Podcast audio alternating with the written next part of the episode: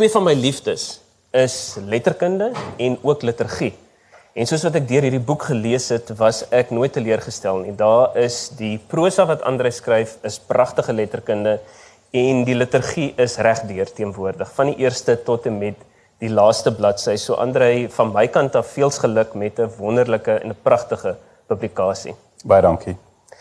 Uh ek gaan sommer dadelik wegval. Ek is voltyds by Tuks, maar ek's 'n alumnus van hierdie universiteit en ek het ook teologie gestudeer en ek moet dit seker sag sê, maar ek kan nou nie sê dat kerkgeskiedenis my gunsteling en mees opwindende vak was van al my teologiese vakke nie en teologie is 'n opwindende veld.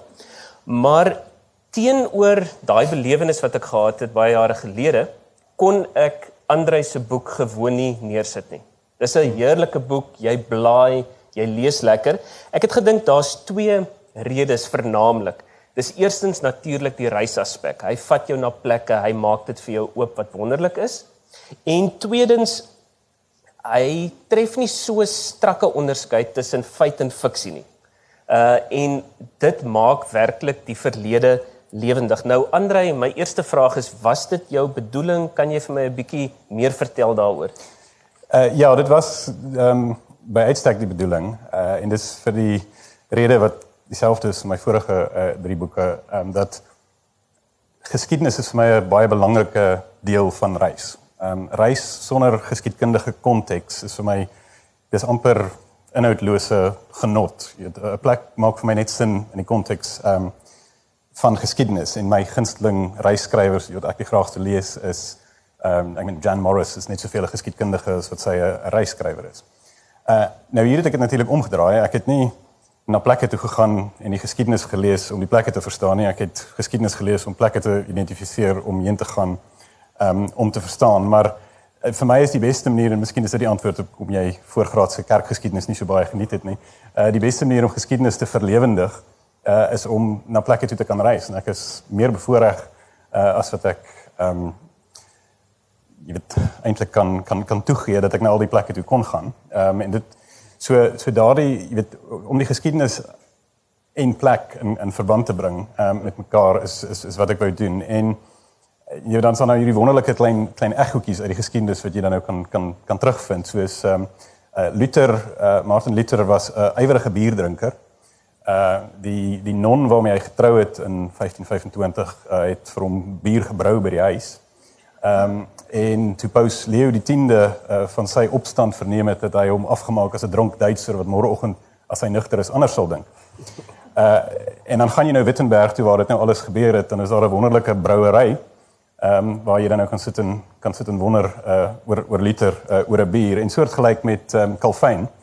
Uh jy weet hy het ten regte of ten onregte 'n uh, reputasie vir 'n godsdienstige onverdraagsaamheid. En heel toevallig toe ek in Noyon in Frankryk was in sy geboortedorp, wou ek uh vars wit asperges in die mark koop want ek was daar. En uh daar was toe nou onder ons hier tussen 'n Franse vrou en 'n moslim immigrante vrou. So uh, jy weet dit het waarskynlik net soveel te doen met immigrasie as met godsdienst, maar nietemin hierdie konflik wat miskien 'n jy weet ook 'n godsdienstige element het in die geboortedorp van Calvin. So die tipe van ehm um, jy weet van van van van interaksie tussen tussen plek uh, en geskiedenis.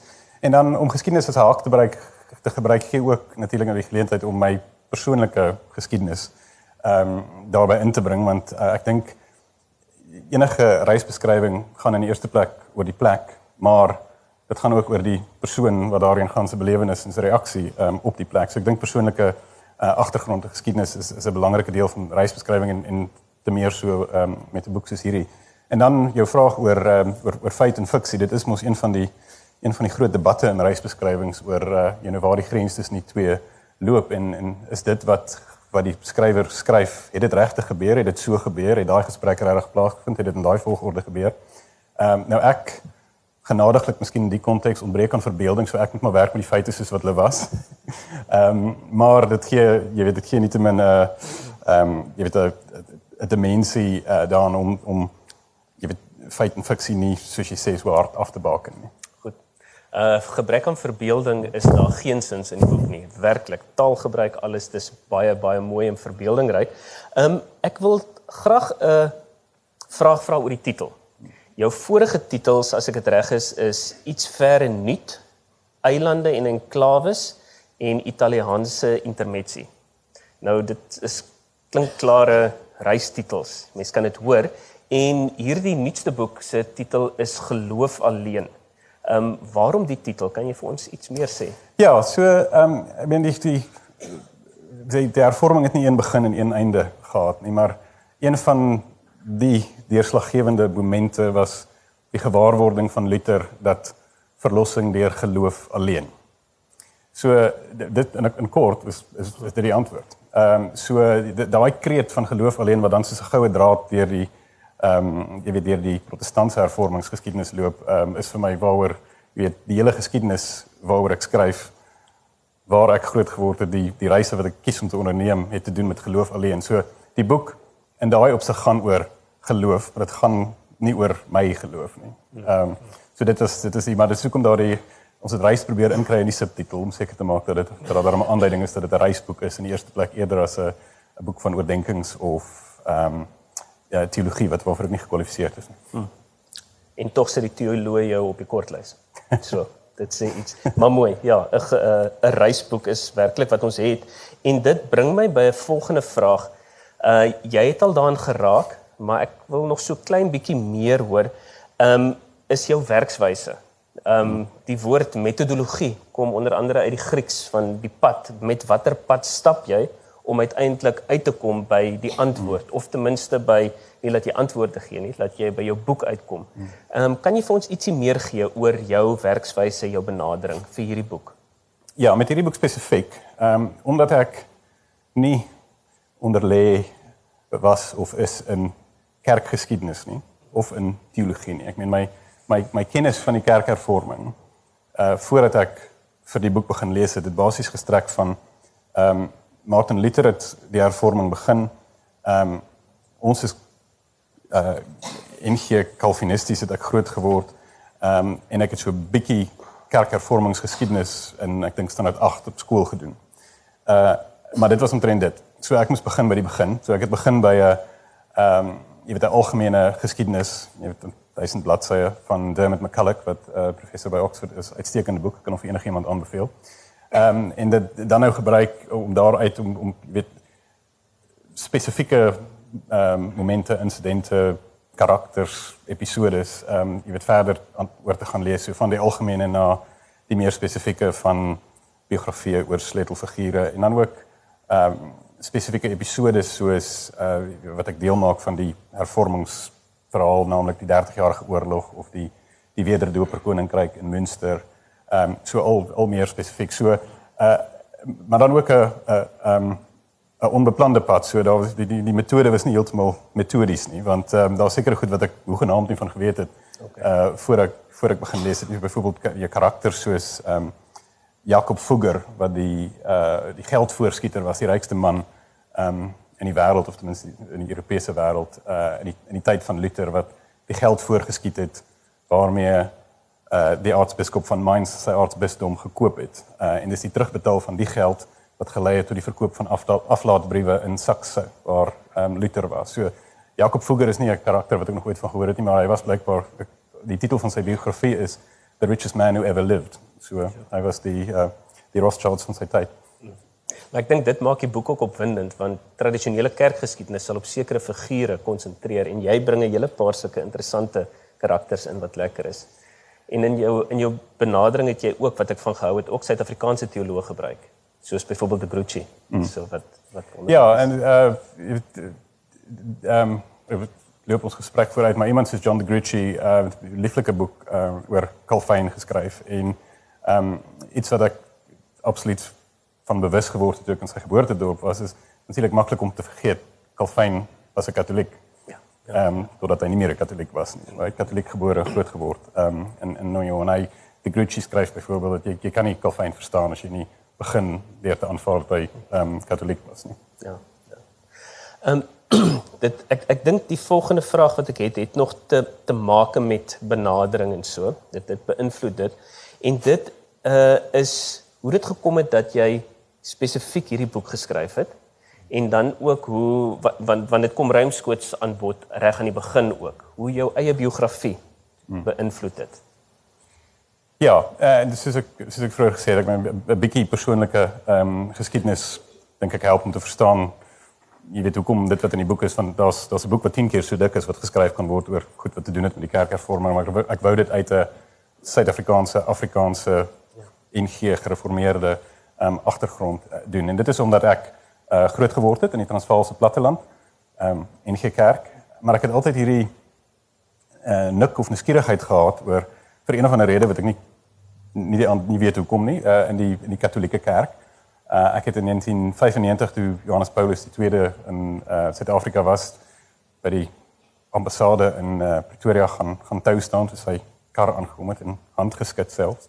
Ehm um, en jy weet na die openlig mis toe gegaan ten spyte van die feit dat ek jy weet ek het, ek het niks geweet daarvan. Maar ek het hierdie belangstelling gehad. Toe gaan ek ehm um, Engeland toe waar ek net vir die laaste 22 jaar woon. Ehm um, meer blootstelling aan aan aan meer soort van invloede verder van waar ek vandaan is. Uh en toe ontmoet ek 'n Suid-Afrikaanse meisie ehm um, hier van Stellenbosch, was Londen, uh wat katoliek is. Ons is getroud. So ek het die die agtergrond van die boek is ek het ek leef so half aan beide kante van die ehm um, die die verdeling wat die uh wat die kerkhervorming ehm um, gebring het in in die in die westerse Christendom. Ehm um, so dit is die so so dis die dis die een aspek. Ehm um, dan het ek jy weet toe ek nog uh, dikwels vir die koerant geskryf het, het ek altyd gekyk watter watter um, herdenkings kom op wat wat relevant kan wees en dan nou daaroor geskryf. So hierdie dan tot 'n tot 'n ekstreme lengte gevat. Ek het 3 jaar voor die tyd of 4 jaar voor die tyd daarna gedink dat die herdenking in 2017 sou wees en toe nou die boek ehm um, met die oog daarop geskryf. En dan 'n ander aspek wat ehm um, weet wat ek dink die boek verduidelik is net dit voel nog gepraat van kerkgeskiedenis en jy kan kerkgeskiedenis verstaan as iets wat in die verlede gebeur het. En dit is of interessant of is nie interessant nie. En dit is verskillend vir verskillende mense. Ek het ehm um, ek het nou nog nie opgehou lees oor die oor die uh, hervorming nie. So ek het verlede week begin lees aan 'n nuwe boek deur ehm um, Amerikaanse professor en interessant genoeg die titel is Reformations ehm um, so weet die dieselfde tipe van van insof dis nou 'n geskiedenisboek, maar hy skryf heel aan die einde. En ek sal dit lees want dit dis vir my baie goeie opsomming van hoe uh, jy weet hoekom ek die boek wou skryf. So hy skryf To understand the world we live in To fully know how the West came to be what it is, one must understand how it was shaped by the Reformations. To ask whether the Reformations changed the world for the better or for the worse is to pose a legitimate question. This question, that demands a value judgment, continues to be asked even in our own day. Does this persistence prove that the legacy of that era is still with us five centuries later? Most certainly. As long as this question is asked, which assumes that improving the world is possible, the legacy of the reformations endure. So dit is die dit is dis 'n geskiedenis wat wat wat vir my baie uh eie tyds voel. Baie van baie van dit waaroor ek gelees en geskryf het is is goed wat in in ons lewens vandag neerslag vind. Ja, daai is 'n goeie opsomming want soos ek gelees het, het ek die hele tyd die belewenis gehad die gebeure waaroor jy skryf, die plekke wat jy besoek, beïnvloed en het en nog altyd fundamenteel wie ek is in Afrika.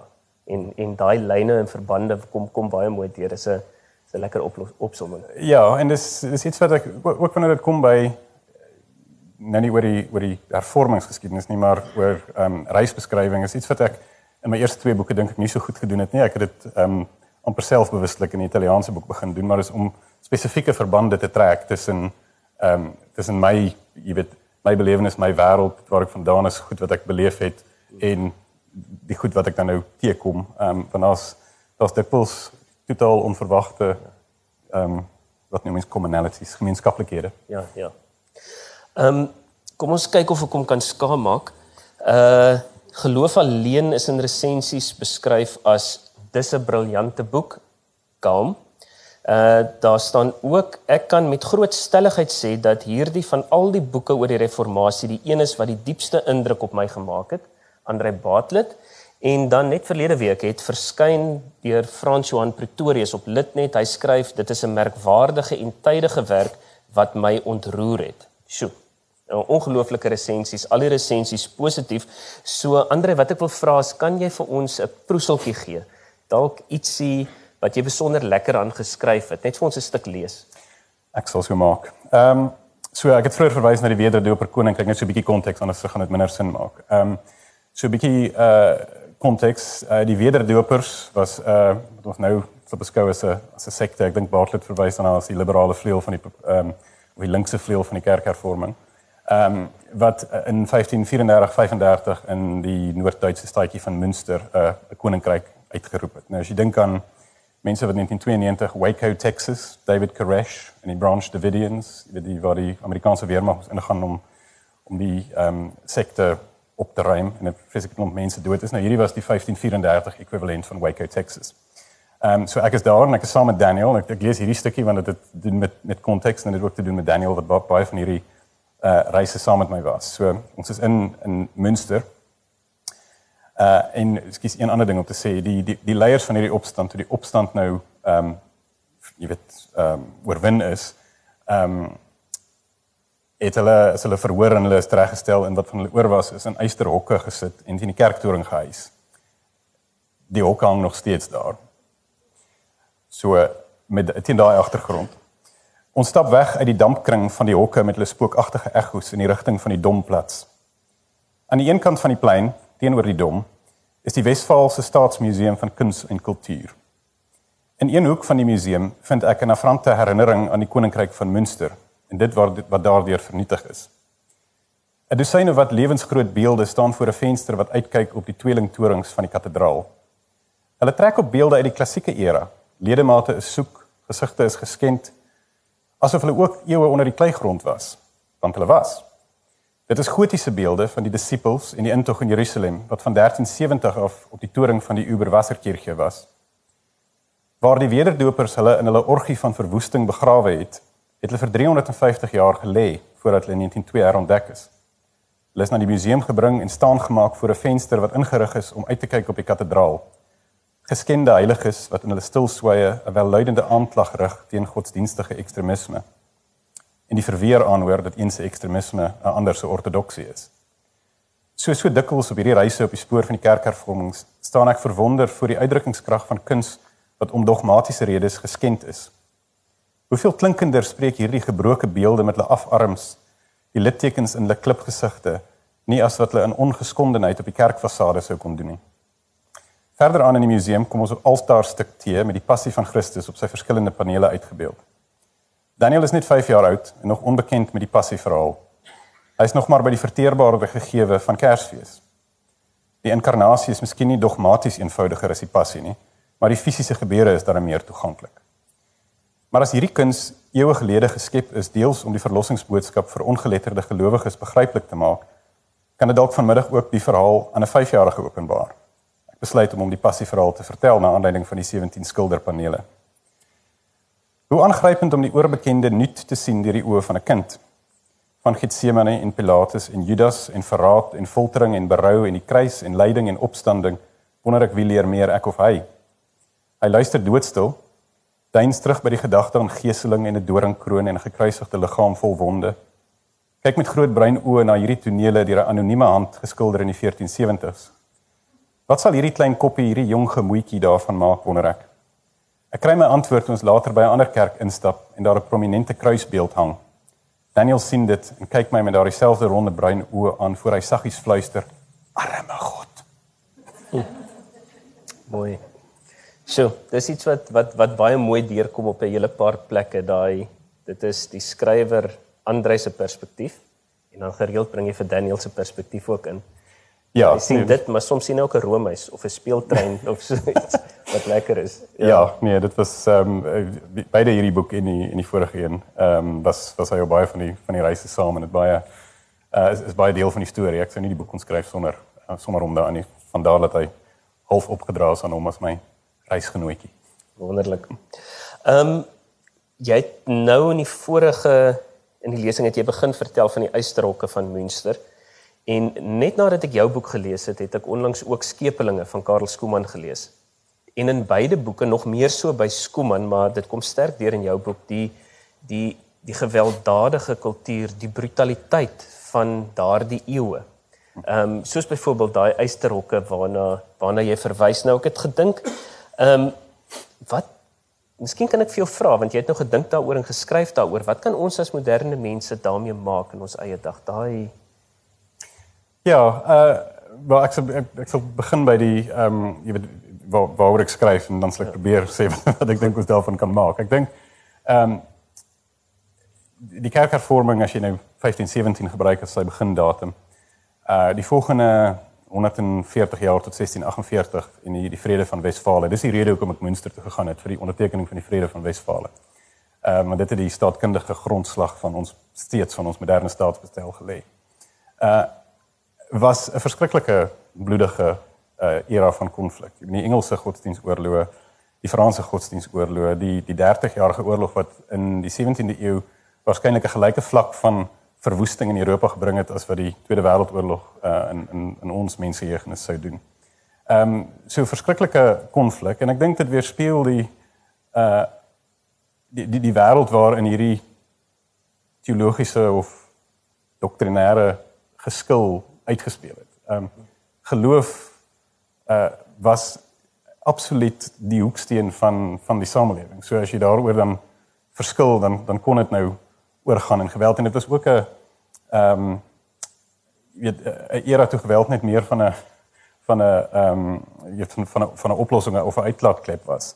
Ehm um, ek dink Steven Pinker het in een van sy onder, uh, onlangse boeke die die boek se titel dink is dalk iets soos uh, Better Angels of Our Nature en dit gaan oor sy sy sy tese is dat ehm um, weet menslike ontwikkeling het gekom by die punt dat geweld minder van 'n van 'n deel van die oplossing van van probleme gesien word. Nou ek dis miskien redelik optimisties as mens kyk wat wat in die wêreld aangaan, maar nietemin dink ek dit is wel waar dat in ehm um, in in die 16de en die 17de eeu was dit was dit hoe hoe probleme ehm um, opgelos is. In terme van wat ons daarvan maak, ek dink ehm um, ek meen dit is maklik om dis maklik om te sê uh geloof is uit die bose want kyk wat se verskriklike dinge is in die naam daarvan gepleeg, maar ek dink ehm um, vir my sê dit meer van die uh jy weet die soek die, die menslike soeke na God en uh jy weet die, die intensiteit en die passies wat dit gaande maak, maar daai intensiteit en passies is in mense en en ehm um, ons is in die gevalle of gebroke werklikheid wat ons is en ek dink die die die konflikte is waarskynlik ehm um, maar net 'n weerspieëling daarvan.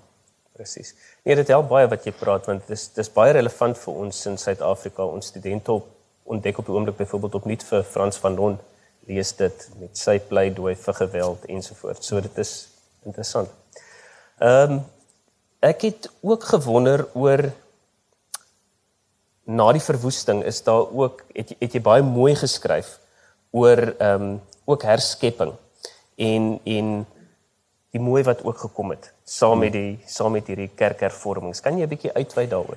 Ja, toevallig is daar 'n ehm um, TV-reeks wat nou verlede week op die BBC begin het met die titel uh, Civilizations. Ehm um, en Simon Sharma bied dit aan of bied dit deels aan en hy het in een van die Britse koerante daaroor geskryf. Uh weer eens ehm um, 'n uh, Engelse aanhaling wat wat ek dink 'n goeie inleiding is vir die, vir die antwoord op daai vraag uitgeskryf. I'm not someone who subscribes to the romantic theory that torment and sorrow, whether of the artist or the world, are the necessary conditions of great art. Yet, without leaning on the scales of history, it has been striking how often a period of great creative energy either followed a period of calamity or was produced as a part of a response to it. So ek dink die daai selfde uh, verwoesting wat ehm um, deur die kerkhervormings ehm um, en die geskiedenis daar rondom ehm um, veroorsaak is was die was was die kiem van die ehm um, ek noem dit herskepping maar van die die kreatiwiteit wat wat daar daaruit voortgekom het. En ek wou spesifiek daaroor skryf. Ehm um, so ek het drie uh drie drie, drie, drie kunstenaars of drie ehm um, areas gekies. Ehm um, eerstens die Bybelvertaling. So een van die goed wat Luther gedoen het was om die om die Bybel in Duits te vertaal. Nou ek kan hom hom nie in Duits lees nie, so ek terugval op een van die twee tale wat ek kan lees en uh jy weet die Engelse King James uh vertaling wat 'n direkte uitvloeisel was van van kerkhervorming en ehm um, 'n poging van uh die owerheid om jy weet die, die kerk en die kerk se fundamentele uh tekste jy weet onder sy beheer te hê. Ehm um, maar dis nie in staande 'n verskriklike mooi ehm um, vertaling van die Bybel. Ek skryf vir die King James Bible. Ehm um, dan en, en jy moet ek nou definisie so effe rek. Ehm um, want ek wou skryf oor Johann Sebastian Bach en sy musiek. Uh nou hy is gebore ehm um, 37 jaar na die vrede van Wesfale. So uh heel buite die periode waaroor ek eintlik gekies het om te skryf. Maar hy was ehm um, die absolute toonsetter van uh die Lutherse teologie. Ek ek dink ek skryf in die boek, jy weet Lutherse teologie uh, is in sekere opsig 'n uh, ehm um, jy weet 'n teologie op soek na 'n toonsetter en in Bach het hom gekry en dit het so ek skryf veral oor die ehm um, oor die oor die Matteus passie en uitvoering ehm um, daarvan in Cambridge Market ehm um, Leipzig toe gegaan. Ehm um, weet waar hy ehm um, nie waar hy gebore is nie, maar waar hy uh, die meeste van sy loopbaan was en dood is. En dan uh, die derde een so 'n halwe aansluiting by die Italiaanse intermezzi boek. So 'n Italiaanse intermezzi het ek geskryf oor uh, 'n hoofstuk geskryf oor Caravaggio. Caravaggio was 'n uh, amper se tydgenoot van Rembrandt, maar Caravaggio het geskilder in Italië uh in die hoogbarok in 'n katolieke milieu. En Rembrandt min of meer dieselfde tyd so 'n bietjie later, um, maar het geskryf in 'n by uitstek kalvinistiese samelewing in die noorde van Europa in 'n protestantse ehm um, wêreld. Ehm um, en in 2006, so ek het die die hoofstuk in die vorige boek oor Caravaggio geskryf onder andere aan die hand van 'n uitstalling in 2006 toe dit 400 jaar van Rembrandt was wat Caravaggio en Rembrandt langs mekaar gehad het. En hierdie hierdie wonderlike portrette van Rembrandt met hierdie ongelooflike uitdrukking in in gesigte en ehm um, 'n diep denkende deurdagtheid wat wat uit die uit die doeke kom vergeleke met Caravaggio se kuns waar ek net so mal is maar dit is teatraal en kleurvol. En uh oorweldigend. Ehm um, so ek wou skryf oor 'n aanleiding van Caravaggio wou ek skryf oor ehm um, oor Rembrandt uh vir hierdie boek juis omdat hy ehm um, ek meen die tyd toe hy geskilder het was die was die uh presies die tyd toe uh uh on, ons Europese voorsate ehm um, hierheen gekom het 16 uit geleef sinds 1660 tot erns die 1670s. Ehm um, en en ek dink daai as, as jy sy portrette van die van die dominees van Amsterdam en Leiden sien, dan uh jy weet dan dan is daar 'n ego regheid van daar na waar ek groot geword het toe dominees nog in swart togas gepreek het. Einste. Ehm um, Bach uh Daniel se perspektief. Julle ry op die autobaan, ek probeer nou onthou waartoe julle op pad is. Hy sit redelik hard Bach aan en wat was die Italiaans wat Daniel gesê het? Ehm um, ek weet nie of iemand wat Italiaans verstaan nie, dis effens off color. Ehm um, maar hy sit agter in die kar. Hy was 3 en hy het 'n Italiaanse nanny gehad, dus ek kom hy Italiaans gepraat het en ek hoor hier agter uit die kar uit Rompi la palle questo rumore wat is ehm um, kom ons sê net maar verdomp, wat 'n geraas. dis die beleefde weergawe. ja, okay. Ja. Maar mooi mooi om te hoor die die herskepping wat gekom het uit dit alles. Ja. En pragtig beskryf ook in in die boek soos al die ander sake. Jy skryf in die subtitel het jy baie spesifiek gekies vir die meervoud kerkhervormings. Kan jy vir ons ietsie meer sê wat bedoel jy met kerkhervormings en ook onder andere oor die katolieke hervormings van daai tyd? Ja, so toe ek my standaard 8 skoolgeskiedenis gedoen het, toe die, die wat ek onthou is daar was hervorming en toe was daar 'n teenhervorming. Nou van die katolieke kant. Nou Ek dink dis 'n redelike ehm um, verenging ehm um, en en vermindering van wat die katolieke reaksie was. Ek meen die katolieke reaksie was effe stadig. Ehm um, dit het 30 jaar gevat om ordentlik op Luther te begin reageer. Ehm um, maar ek dink weet iets soos kontra-reformatie is miskien uh, meer van 'n jy weet effens 'n beter aandering as teenhervorming asof dit net ehm um, reaksionêr was. Maar ehm um, so die die die, die kerkhervormings ek ehm um, daar's daar's natuurlik voorlopers tot tot kerkhervorming. Daar's Jan Hus in Boheme ehm um, uh, in die in die vroeë 15de eeu, so hele eeu voor Luther.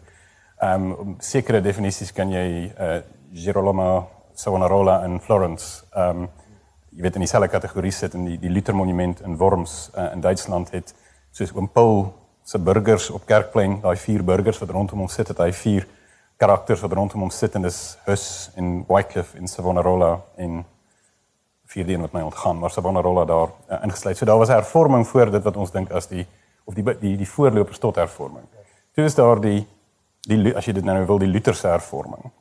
Uh en toe was daar 'n tweede uh hervorming wat nou eintlik 'n soort van gereformeerde hervorming van 1550s 1540s en dan verder. En dan die ehm um, die katolieke hervorming ehm um, beide in die konsilie van Trento waar die die dogmatiese reaksie van die Katolieke Kerk op op die uh, op die ehm um, protestantse hervorming uh, uiteengesit is en die die dekrete van die konsilie van Trento is natuurlik presies dieselfde jaar as die Heidelbergse katekismes, binne enkele maande van mekaar. En daai tipe van toevallighede is een van die ander goed wat geskiedenis vir my uh aangrypend maak. Ehm um, maar dan ook, jy weet ek het een van die ander goed wat ek eers moes gelees het is die jy weet die die Jesuite as die vergestalting van die katolieke teenhervorming.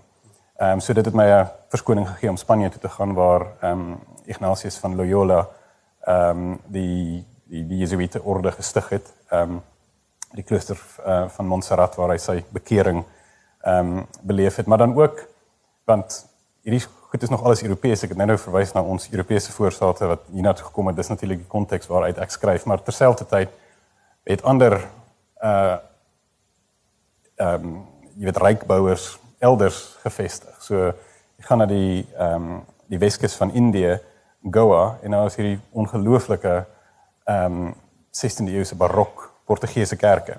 Uh insluitend ehm um, die stoffelike oorskot van Franciscus Xavier wat ehm um, die soort van tweede en bevel die weer die grootste uh miskien die grootste uh, Christelike sendeling na Paulus as jy wil.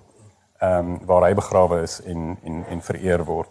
So ek was ek was gretig om nie om 'n boek in twee gelyke helftes te skryf een oor 'n oor protestantse hervorming en een oor 'n katolieke hervorming nie want ek dink die die geskiedenis is meer die, die dit is die protestantse hervorming is die is is die die oorwig daarvan.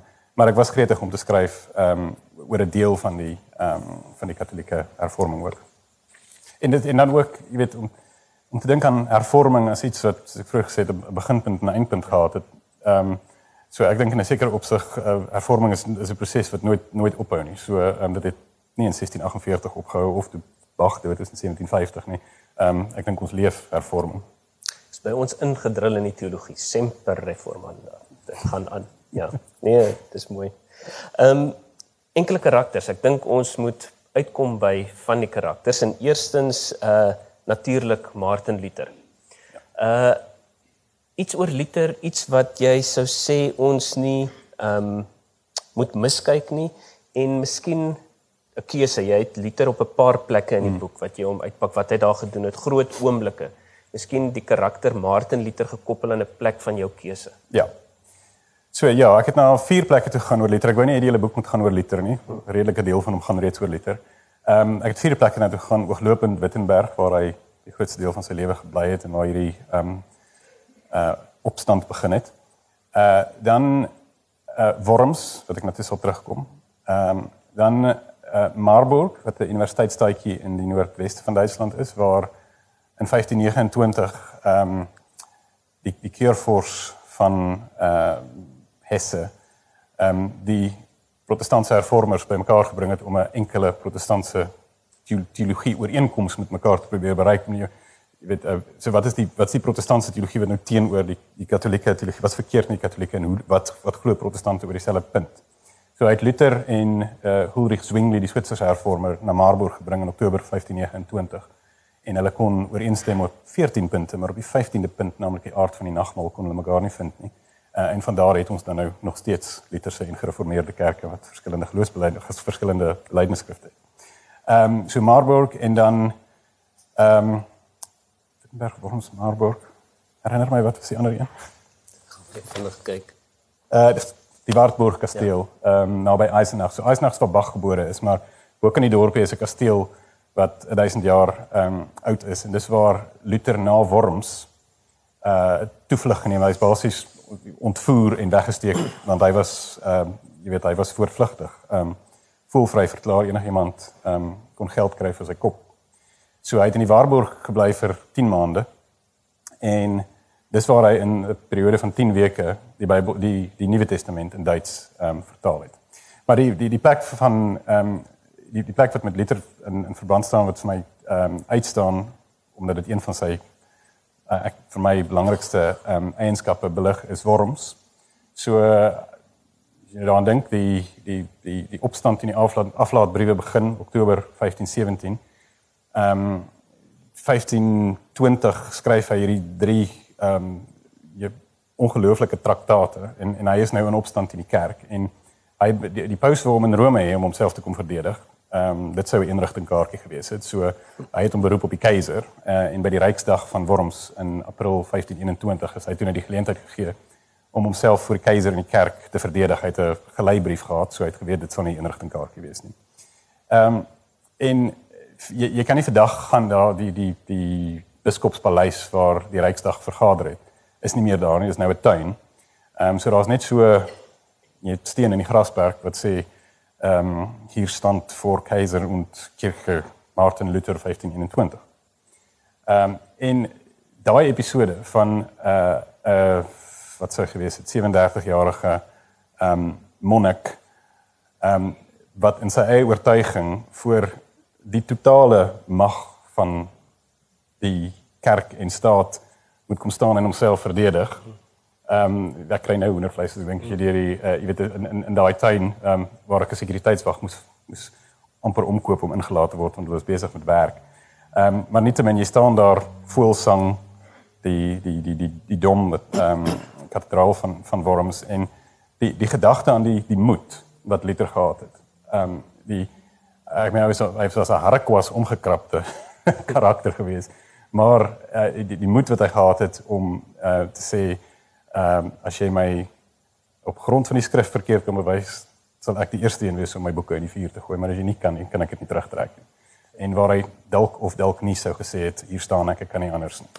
Ehm um, soos met die vasspyker van sy 95 leerstellings in die kerkdeur van Wittenberg is dit nie heeltemal duidelik dat hy dit noodwendig gedoen of gesê het nie.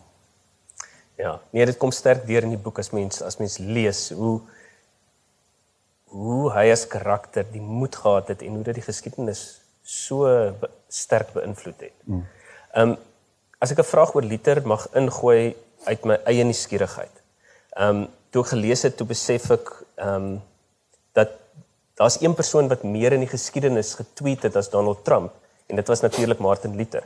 Hy het getweet, hy het Facebook, hy het ge-Instagram, hy het ge-alles en hy het hulp gehad, Lucas Granach en so. Met ander woorde, hy het presies geweet wat hy doen in 'n goed beplande kommunikasieveld of dit laat dink my 'n bietjie aan ehm um, die baie van die heel nuwe kerke, hierdie derde beweging wat ons kry in Afrika, die neopentecostalistiese kerke. Uh ons weet nie noodwendig wie se dominees in ons eie dag en so nie, maar ons weet wie se pastore. Dis groot billboards, hulle gesigte is daar, hulle die webwerwe, hulle die kanale en so. Liter het iets daarvan gedoen. Wil jy 'n bietjie van sy kommunikasiestrategie vir ons deel? Ehm um, ja, hy is so interessant genoeg die hierdie Reformations boek waarna ek voor verwys het. Ehm um, die begin van die boek gaan oor die die drukpers ehm um, in Gutenberg se Bybel in 1450. So die die tegnologie van van drukwerk, die eerste jy ehm um, jy weet inligtingrevolusie as jy wil wat gekom het met ehm um, uh die drukpers uh is 60 50 60 jaar ehm um, voor voor liter so die tyd dat hy ehm um, om begin uitspreek was die skryf van ehm um, traktate klink na 'n herhalende term maar kom ons noem dit nou traktate.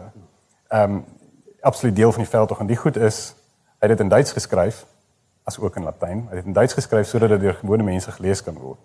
Ehm um, en dit is gedruk en dit is versprei deur die ryk. So teen 1521 toe hy Worms toe gegaan het, is hy soos 'n reisende uh jy weet oorwinnaar ontvang so ver want mense het geweet wie hy is. En jy nou kan jy in, in Wittenberg in die die ou Augustynse klooster wat later sy huis geword het, 'n um, museum van selfsprekend. Ehm um, kan jy staan tussen ehm um, hierdie sulke gedrukte velletjies met jy weet die oor die vryheid van 'n Christen en daai die, die traktate van 1520. Ehm um, so die drukpers en geskryf in Duits en versprei deur die Duitssprekende wêreld. Maar dan ook beelde. Uh en jy jy verwys na Lukas Kranach. Uh, dit is nog een van die goed wat ek miskien moes geweet het maar nie geweet het uh totdat ek uh dit gesien het nie. Ehm um, Kranach uh, was 'n renaissance kunstenaar um, in Wittenberg in die tyd van Luther. En hy was uh, ek dink Eamon Duffy katolieke geskiedkundige het hom afgemaak as die propaganda hoof van die uh, van die kerkhervorming. Want hy het Luther geskilder portrette van Luther. Die enigiemand wat hier sit in 'n 'n prentjie het van hoe Martin Luther gelyk het dis 'n Kranach skildery. Hy het hom geskilder van 1517 af in verskillende gedaantes tot tot met sy dood in 1546. So jy weet hierdie ehm um, jy weet jy kan amper soos 'n jy weet 'n fotoalbum kan jy ehm um, sien liter oor tyd en daai ehm um, skilderye is ehm um, jy weet is ook afgedruk en versprei.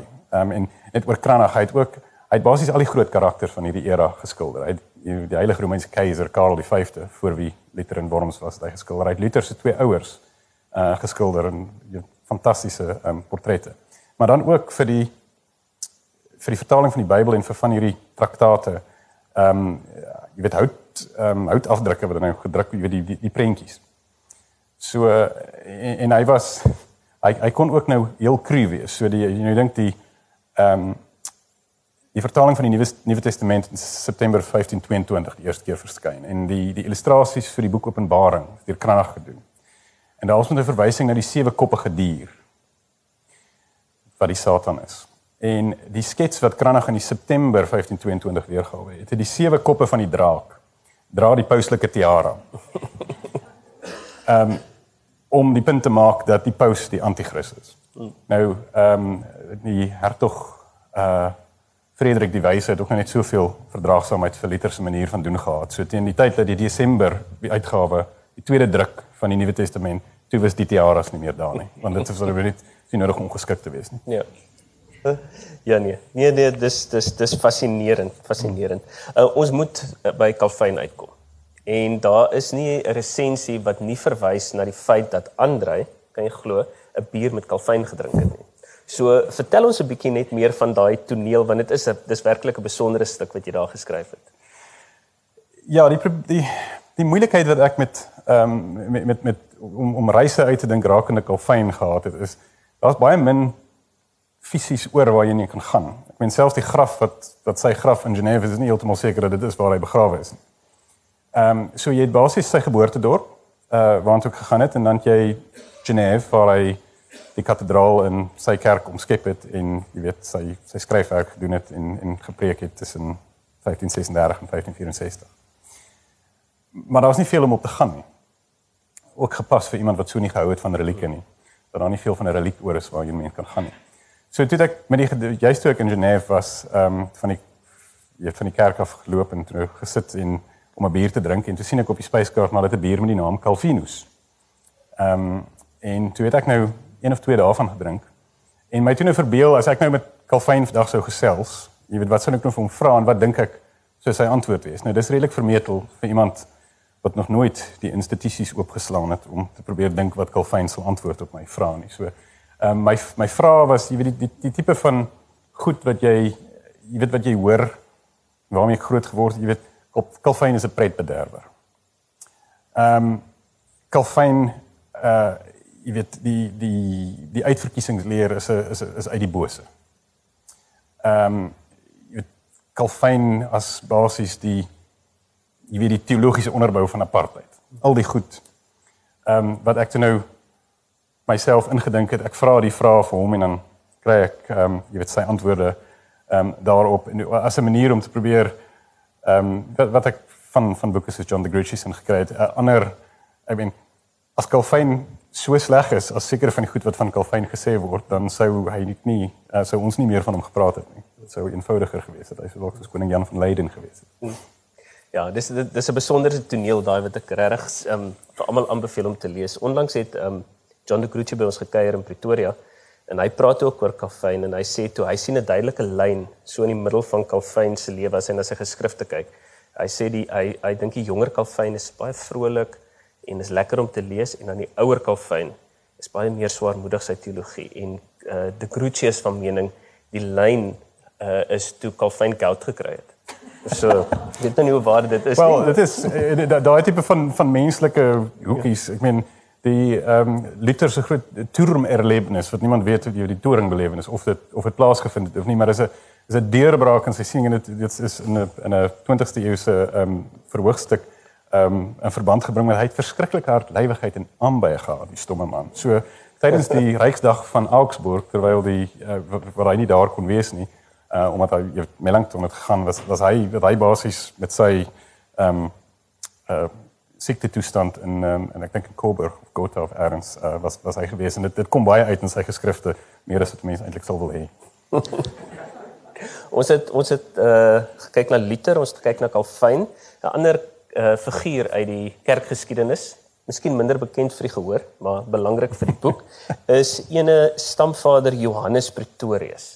Uh vertel 'n bietjie meer van hom en sy plek ook in die boek en in die kerkgeskiedenis. Ja, miskien moes ek teologie studeer het want dit blyk toe nou by nadere ondersoek dat ons in Suid-Afrika is omdat ons Pretorius ons nie uit teologiese konflikte kon uithou nie. So uh Johannes Pretorius het in wat die stamvader van al die Pretorius in Suid-Afrika is, het in 1666 ehm um, met die VOC uh, hier aangekom. Dit was nadat hy nou 'n bietjie konteks in Leiden tussen jy weet die vreeslike Universiteit van Leiden, die vreeslike dispuut oor jy weet wat is gereformeerde teologie wat toe nou uitloop op die ehm um, jy weet die sinode van Dordrecht en die Dordtse leerreëls maar daarna nog steeds konflik in die fakulteit en in die dorp want daar's nie 'n vreeslike onderskeid nie. Ehm um, jy weet 1530 40 50 10 16 skus 16 uh 30 40 50 so in 1663 ehm um, was die Johannes Pretorius toe nou betrokke by die ontwrigting van 'n ehm um, die die toekenning van 'n van 'n doktoraat aan 'n aan 'n ehm um, aan 'n student en hulle het die ding heeltemal ontwrig want hulle het nie gehou van die nuwe dokter se se teologie nie. So hy's geskort uit die Universiteit van Leiden vir sy wangedrag. Uh toe het hy by die Universiteit van Utrecht ingeskryf, maar toe nou nooit daar studeer nie en in diens van die VOC gegaan. Ehm um, en hier sit ons. So ek het ehm um, uh ek het uh, die die plaas ehm um, dis naby Münster, ehm um, naby Schüttorf in die noorde van Duitsland, nie Nederland nie. Waar die die Schultes ehm um, wat later Pretorius geword het, ehm um, vandaan gekom het oorspronklik het ek. Daar's nog steeds dit is my al ondenkbaar dat dit kan waar wees, maar daar's nog steeds Schultes wat op die plaas. O ja. Ehm um, jy weet boer, ehm uh, melkboer. So ek het by die Schultes van uh, van van Schuttorf gaan ehm um, gaan middagete eet. Ehm um, om die oorsprong van Johannes Pretorius te soek. So. So daar was in Leiden in 1666 al 'n hashtag teologie mas vol beweging gewees. in jou voorgesigte. Okay, nee, ons ken dit deesdae goed hier rond. Ehm um, Andre, wat regtig vir my opval in die boek en wat heerlik is, is die kan ek sê sintuiglikheid van die boek. Want sover as jy dit nou gehoor het, 'n bietjie met kalfyn geniet en so, daar's meerdere goeie kultivars wat geniet word en heerlike kos. Ehm um, en baie baie mooi ook is die ehm um, landskapbeskrywings. So dis dis terwyl jy lees is dit ehm um, jy smaak, jy proe, jy kan amper soms ruik jy saam met Andre soos wat hy soos wat hy reis wat wat wat die boek baie lekker maak. Ehm um, daar's selfs 'n 'n hele bladsy hierin met uh bierdrupmaatjies wat afgedruk is soos wat hy getoer het deur die kerkhervormings wat ek baie geniet het. Ehm um, was dit jou bedoeling gewees om so spesifiek ook daai sintuiglikheid in te bou in die teks? Ehm um, die sintuiglikheid ja en die ehm um veral met kos. Kos is vir my uh, uh, by uitstek 'n uitdrukking van plek. Uh en en plek weerspieël ehm um, kos. Nou, dit is net een van die is net een sintuig. Ehm um, so die om 'n om 'n sin vir plek te probeer oordra is vir my een van die belangrikste dele van 'n reisbeskrywing. As jy nie 'n sin vir plek kan oordra nie, dan dan dan is dit dalk iets anders. Ehm um, maar nie reisbeskrywing nie. En en kos, ehm uh, landskap, ehm um, die goed is vir my is vir my deel daarvan. Uh so ja, by, absoluut. Ehm um, dit en natuurlik 'n goeie verskoning om goeie bier of goeie wyn te drink en, en lekker te eet is nie ehm um, nie een wat ek twee keer oor hoef te dink nie. Ja. Uh, en dit dit gee ook ek, ek sal miskien ek weet nie hoe ons lyk like tyd nie, maar ehm um, miskien jy weet iets lees want dit dit gaan nie net oor jy dis lekker bier of hierdie wyn het hierdie op die neus en en, en daai dit gaan oor 'n ehm um, 'n ver, verbind verband tussen tussen plek en ehm um, en Wittenberg se bier wat baie spesifiek ja. is wat ja. Of uh, die die een wat ek nou in gedagte het is is is Münster. Ehm um, ja, super. Okay, so nou so 'n bietjie na 'n bietjie na Daniel se inleiding uh in die in die passie. Ehm um, wanneer die mis verby is, begeef ons ons deur die nou nog stiller strate na die gebied rondom die Oberwasserkirche. Ehm um, ek gaan so 'n stukkie oorslaan. Ehm um, die vorige dag, 'n Sondag, het ons ook na Pinkus Müller, die beroemdste brouery in Münster gemik vir middagete. Maar toe het ons voor Dooiemans deur te staan gekom. Oor kan die Kreuzstraße het ons maar die omarming van Cavette, 'n studentekroeg aanvaar. Is Pinkus dan nie oop vir middagete nie, wou ek van ons kelner weet. Münster is a very Catholic city and Pinkus is a very Catholic brewery. So they close the restaurant on Sundays, antwoord hy. Nog 'n toonbeeld, net soos daardie goed bygewoonde weekdag mis in die St. Lambert's kerk van die Katolieke fatsoenlikheid wat teruggekeer het na Münster na die anargie van Jan van Leyden se wederdoper koninkryk. Nou op die maandag aand na die onverwagse mis is Pinkus genadiglik oop. 'n Smal houttrap lei na die eetkamer op die eerste verdieping met sy houtvloere en houtstoele en rotting sitplekke. Ons vind 'n tafel vir twee in 'n hoek en slaan die toneel gade. Daar is groepe ouer mans geboor rondom een of ander ontgoochelende gesprek, oor politiek miskien, maar ook gemengde groepe mans en vrouens. Die gesprekke is warm eerder as uitbundig. In Spanje sou jy 'n kuierplek soos hierdie geraas vind, in Italië gelatenheid, in Engeland gereserveerdheid en in Duitsland gemoedelikheid. Gemütlichkeit. Münster in die noordweste van Duitsland is ver van die tuiste van Gemütlichkeit in Beieren en Oostenryk, maar is 'n eienskap wat in die verste uithoeke van Duitsland gevind kan word. Soos ook hier vanaand in Münster. En daarmee saam uitmuntende bier, in ieder geval 'n soort handlanger en pasmaat vir Gemütlichkeit. Pinkus se biere strek van die origineel Pinkus Alt verby die Pinkus Pils tot die Pinkus Jubilate. En ek hoef nie vanaand huis toe te bestuur nie. Op die spyskaart vang die Westfälische Topf my oog en vir die eerste keer op my Duitse reise vir hierdie boek kry ek 'n behoorlike sauerkraut waarvoor die Duitse kookkuns so beroemd of is dit berug is. Met gerookte vark, gebraaide spek en 'n bratwurst met mosterd en gekookte aartappel. Wanneer dit opgedien word, verwonder ek my aan die vreugdes van 'n veel beswadderde kulinaire kultuuruitdrukking. Dit verdien dit verdien roem eerder as bespotting. Oor my vierde bier, eh, dis daarom klein botteltjies oordink ek hierdie dierende kultuur wat die ekstremisme van koning Jan van Leyden en sy wederdopers oorleef en oorwin het. My skoonma is in hierdie geweste gebore en getoe in die onstuimige jare van die 1930s en 40s. Toe ek haar laat weet ek is in Münster, was haar vraag of ek die hokke van die wederdopers teen die kerktoring gesien het. Daardie hokke en hulle ekho van heterodoksie en geloofstruweling het kennelik agtekades gelede geklink in die gemoed van 'n dogtertjie uit 'n streng katolieke huishouding in 'n ander tyd van populisme en vernietiging. Die Münster van haar kinderjare was 'n doring in die vlees van Hitler. Die plaaslike biskop kardinaal Clemens von Galen was een van die standhoudendste stemme van oppositie teen die heersende ideologie van Nazi-Duitsland. Miskien het die rampspoedige 16de eeuse flirtasie met apokaliptiese populisme die goeie burgers van Münster vir ewig genees van die sirene sang van die opswepers. Miskien is dit waarom hulle genee is om die hokke van die Wiedertäufer teen die toring van die St. Lambertskerk te laat hang ter herinnering en genesing. So wat ek wat ek daarmee probeer illustreer is wie, wie bymekaar trek van ja. geskiedenis, plek, ja. kos en hervorming en persoonlike geskiedenis. Wonderlik. Wel, ehm um, Andre, ek dink die bouing is oor in Stellenbosch sopas. So op hierdie punt kan ek en jy nou ophou, maar ons kyk na die gehoor. Daar's tyd vir enkele vrae. Is daar iemand wat graag vir Andre 'n vraag wil vra? Julle is welkom. Daar sien ek 'n hand in die middel agter mooi vraag. Ja, uh, laat ek ek sê met met die tweede een ehm um, uh, begin. Ehm um, het het my reis voldoen aan my aan, aan my verwagtinge. Uh, die antwoord daarop is is altyd ja, maar dikwels nie op die manier wat ek verwag het nie. So ehm um, jy, jy jy kom goed te uh wat jy nie ek meen jy lees voor die tyd jy beplan, jy dink oor 'n plek, maar as as dit net daaroor gegaan het dan dan kon jy op die internet gereis het. Dit gaan oor ehm um, belewenis en dikwels is belewenis nie dit waarop jy waarop jy voor die tyd gereken het nie. So byvoorbeeld die die onder ons in die mark in Nonjon, uh Calvin se geboortedorp of die die, die stukkie wat ek gelees het oor Daniel uh in die in die in die passie tonele. So so my my reis het het, het ongetwyfeld voldoen uh aan my verwagtinge. Ehm um, partykeer verwagtinge wat ek nie gehad het nie. Uh as dit moontlik is.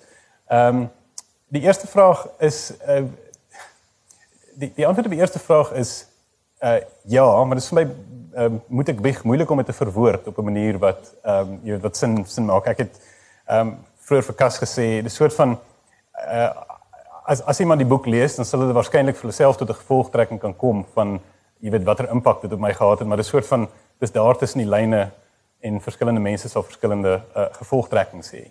Ehm um, ek dink die die een ding wat ek wat ek wel wat, wat miskien en jy dink dis nie 'n antwoord of dit my geloof verander nie, maar die die die besef van ehm uh, weet hoe mense deur die eeue gesoek het na dieselfde ding, naamlik 'n verstaan van God, maar met totaal verskillende antwoorde voor in dag gekom het. Uh en bereid was mekaar dood te maak daaroor. Ehm um, lei miskien tot 'n bietjie uh nederigheid in 'n mens se vertroue in jou eie jy weet hoe, hoe reg jy is in jou manier van van dink en glo. Ek dink dis min of meer hoe ek dit sal opsom. En dis kosbaar in ons eie dag. Dis presies wat ons nodig het. Uh Ons tyd is al reeds op geloof alleen reise deur die kerkhervormings deur Andre Pretorius pragtig uitgegee deur Naledi te koop daar buite Andrei sal vir julle boeke teken. Julle kan lekker met hom gesels en weer eens dankie dat julle die gesprek bygewoon het. Dankie. You.